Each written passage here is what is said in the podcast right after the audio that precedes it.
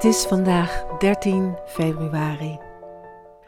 Toen ik de dag daarvoor de NICU in het WKZ was binnengereden in mijn rolstoel, kon ik mijn ogen nauwelijks geloven. Midden in die grote zaal waar baby's in couveuses lagen die niet meer dan een pond wogen, lag mijn dochter op een hoog warm houtbed. Ik keek dwars door de draden en beademingsapparatuur heen en zag haar blozende wangen, waarboven twee nieuwsgierige donkere ogen verwonderd de wereld inkeken. Wat een verschil met het laatste moment dat ze asgrauw uit het ziekenhuis werd weggereden met de ambulance. Zo gauw ze mijn stem hoorde, draaide haar ogen mijn kant op en stroomden de tranen van puur geluk over mijn wangen. Dit was mijn dochter, zo sterk en zo dapper. Ik zette het muziekdoosje dat ik al tijdens de zwangerschap voor de buik had afgespeeld naast haar neer. Op de tere klanken keken we elkaar aan en streelde ik zacht haar bolle babywangetjes. Haar gezichtje was nu mooi rond geworden en haar donkere haartjes krulden vrolijk in haar nek. Dit moment van weerzien raakt me nog steeds tot diep in mijn moederhart.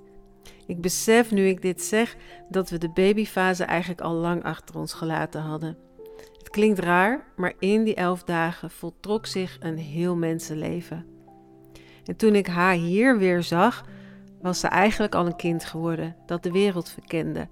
En was onze band al dieper dan de twee dagen dat ze op de wereld was. Ze was zo alert en zo aanwezig dat het zelfs de verpleegsters verbaasde. Van de cardioloog begreep ik dat ze een stukje van de aorta miste, precies boven het klepje dat in de baarmoeder de longslagader met het onderste gedeelte van de aorta verbindt. En dat klepje, dat de ductus botalis heet, sluit dan binnen 24 uur na de geboorte, waardoor de bloedsomloop op gang komt. Ja, dit was het moment dat ze in problemen was gekomen. En er was gewoon simpelweg geen nieuw bloed meer aangevoerd naar het onderste gedeelte van haar lichaam. Ze had medicijnen gekregen die dat klepje weer openden, waardoor het zo goed met haar ging. En tevens miste ze ook een wand tussen de hartkamers.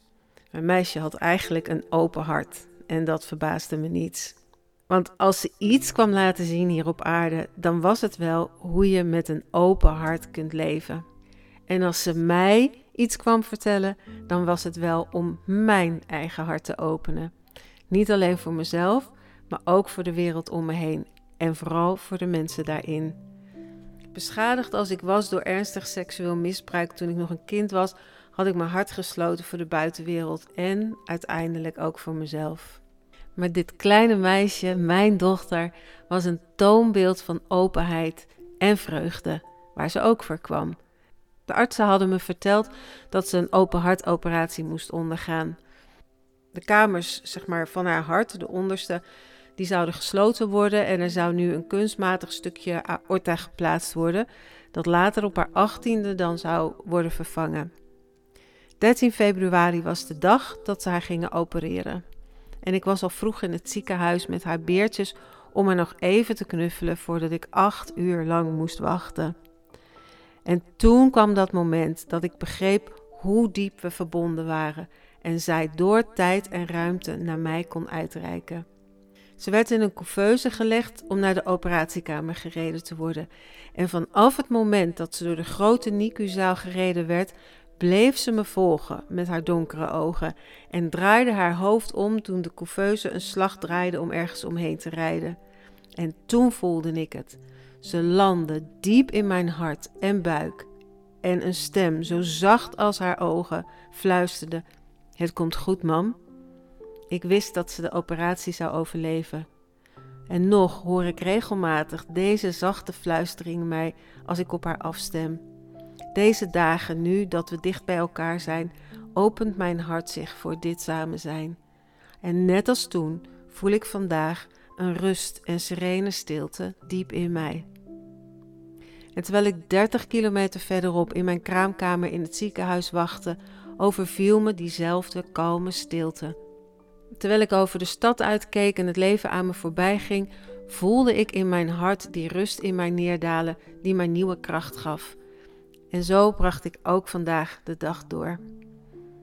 Die bijzondere plek waar ik nu ben, waar ik met mijn moeder haar laatste reis mag maken, zoals ik met mijn dochter de eerste reis maakte, brengt mij ook in die stille kracht, in die kalmte, in die verwondering over het leven en hoe de dingen op zijn plek vallen, hoe alles bij elkaar komt, hoe door tijd en ruimte heen mensen elkaar kunnen voelen en kunnen bereiken op zulke andere manieren dan dat doorgaans gangbaar is. En dan voel ik de vrijheid en vredige rust van het leven door me heen golven. En dan besef ik dat het leven wonderbaarlijke wegen kent die, die de dingen op de meest onverwachte momenten samenbrengt. En in mijn zoektocht naar die schoonheid en eenvoud van het leven kan ik niet anders dan vandaag deze twee beelden door me heen laten vloeien, tot ze één ervaring worden. En ik weet nog dat ik die dag, terwijl ik wachtte op het verlossende telefoontje dat de operatie achter de rug was, dat ik ook hele gewone dingen heb gedaan. Zoals me lekker douchen, een heerlijke maaltijd. Begonnen met de geboortekaartjes te schrijven, adressen op de enveloppen. Maar ook iemand had zo'n mooi geboortekaartje gemaakt. Want eigenlijk was ik daar nog niet aan toegekomen. Ze was met acht maanden geboren en geboortekaartjes, ja, dat kwam zo eigenlijk net ter sprake. En er was iemand die heeft toen een prachtig geboortekaartje voor haar gemaakt, wat zo passend was voor wie zij nou bleek te zijn.